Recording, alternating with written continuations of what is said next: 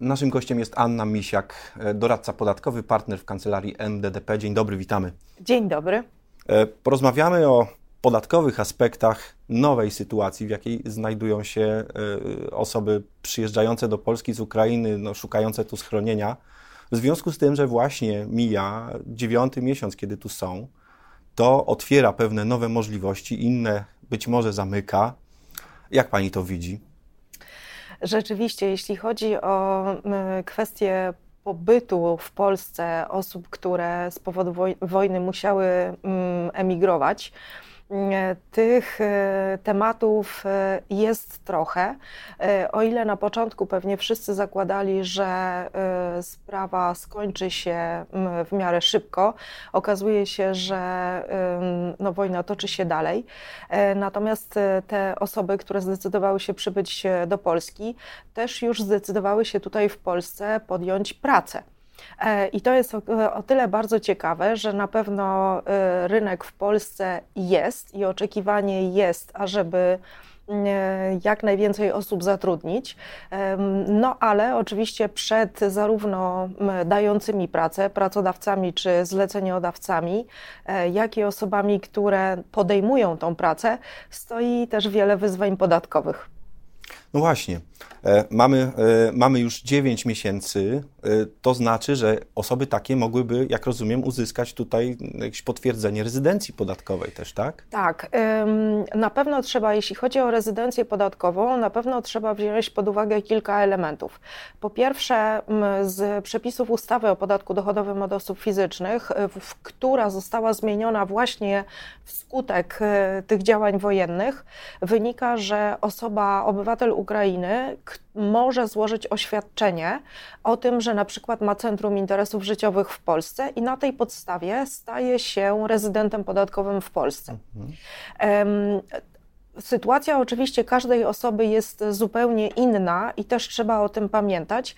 Natomiast e, no, z praktyki wiem, że tych przypadków, kiedy mm, dana osoba może w danym momencie uważać, że ona jednak ma centrum interesów życiowych w Polsce, a z kolei za dwa miesiące sytuacja się całkowicie no zmienia, e, jest bardzo dużo. I mm, to też e, mm, zarówno obywatele Ukrainy, którzy tutaj do nas przybyli, jak i polscy pracodawcy muszą sobie z tego zdawać sprawę, że ta sytuacja jest bardzo dynamiczna i może być tak, że ktoś przez trzy miesiące uważa, że jednak ma tutaj centrum interesów no życiowych, a mm, za trzy miesiące uważa, że jednak sytuacja się zmieniła.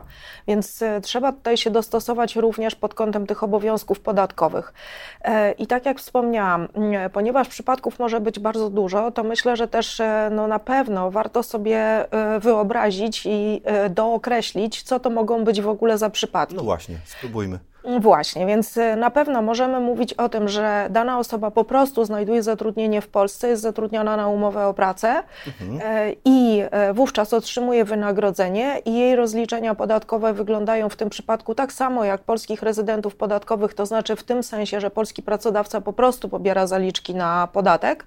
Natomiast może być również i tutaj niezależnie nawet od tego, czy ta osoba jest tym polskim rezydentem podatkowym, czy też mhm. nie jest.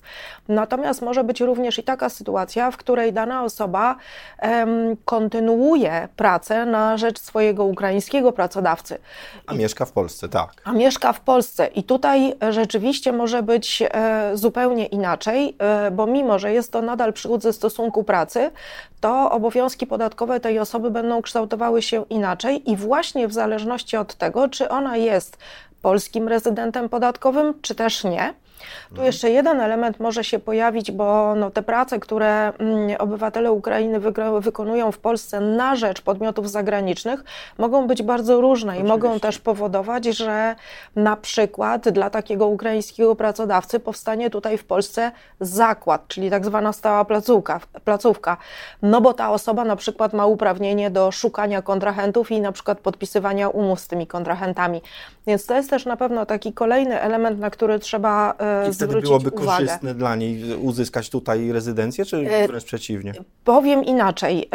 Tutaj byłyby dwa modele de facto, mhm. które mogłyby wchodzić w grę, w zależności od tego właśnie, czy ona jest rezydentem, czy nie. Załóżmy, że rozważamy sytuację, w której ktoś nie jest rezydentem podatkowym w Polsce, dlatego że na przykład jego najbliższa rodzina jednak została za granicą, została na, w Ukrainie.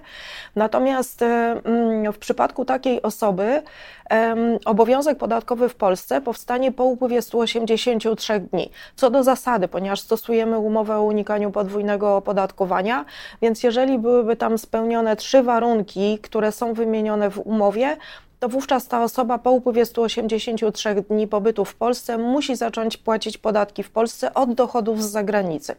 Mm, natomiast, mm, i tutaj warto też przypomnieć, że w przypadku tej osoby, jeszcze jedną rzecz dodam, mhm. to w przypadku tych osób e, konieczne będzie zapłacenie podatku również za cały okres 183 dni dlatego że no po prostu tak się realizuje ten obowiązek podatkowy.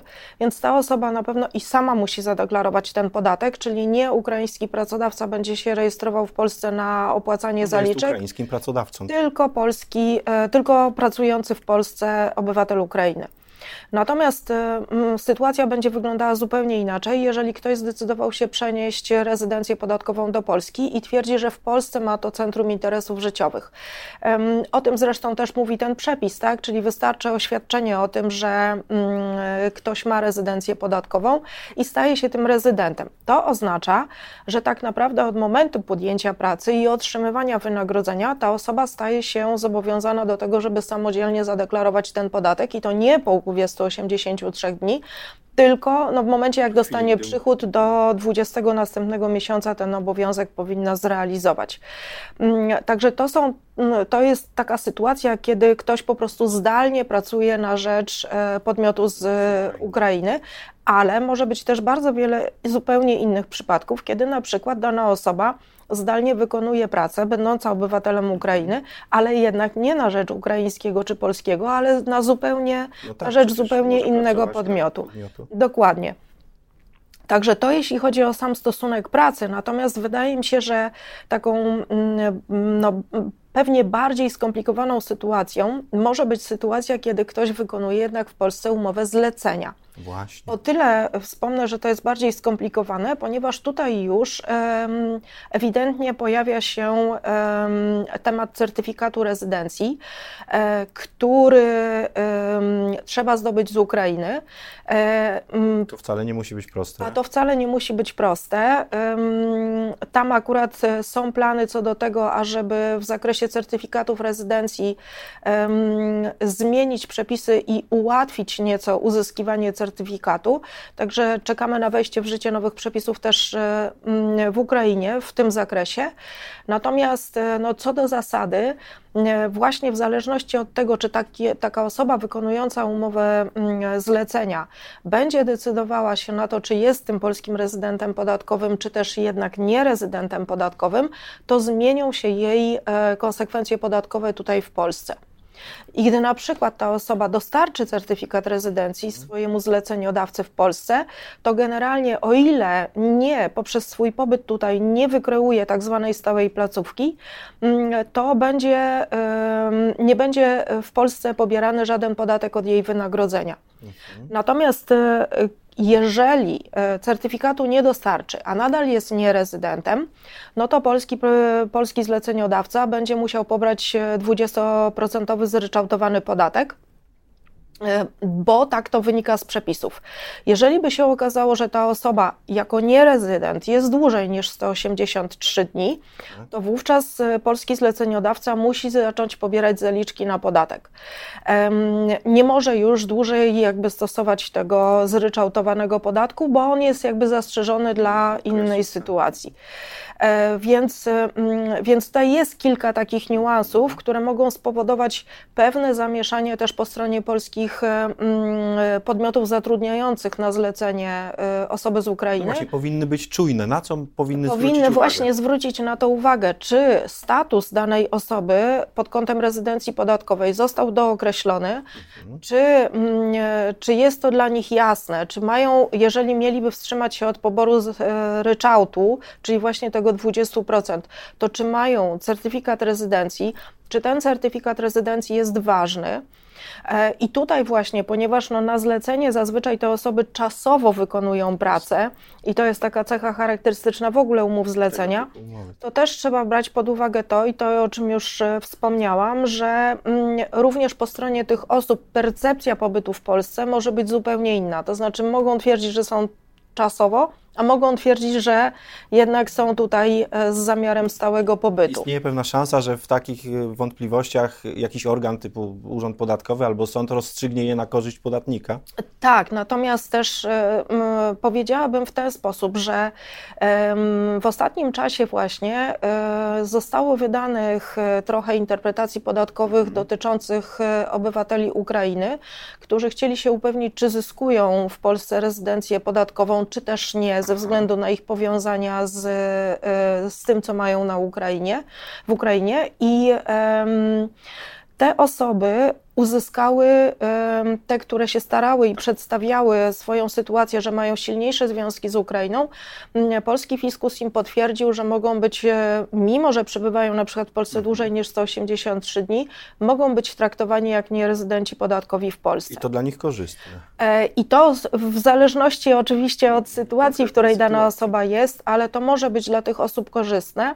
I tak jak mówię, gdyby wykonywali zlecenie, no to muszą dostarczyć certyfikat rezydencji, żeby to było podatku nie było zgodnie z umową i z polskimi przepisami, no bo jak nie dostarczą, to niestety ten podatek tutaj będzie. Więc e, na pewno te elementy trzeba wziąć pod uwagę.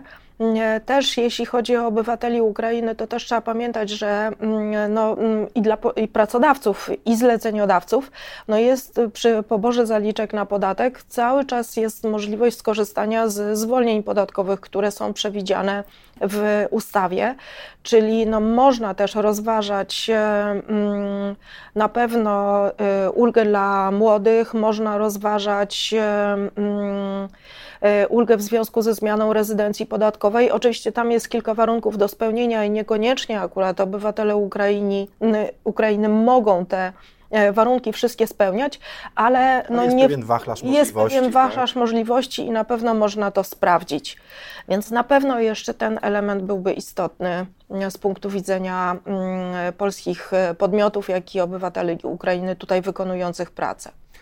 Dobrze by było, żeby przedsiębiorcy o tym pamiętali. Bardzo dziękujemy za to spotkanie. Dziękuję również. Czas minął nie wiadomo kiedy. Anna Misiak, partner e, w kancelarii MDDP, doradca podatkowy, był naszym gościem. Dziękujemy. Dziękuję bardzo.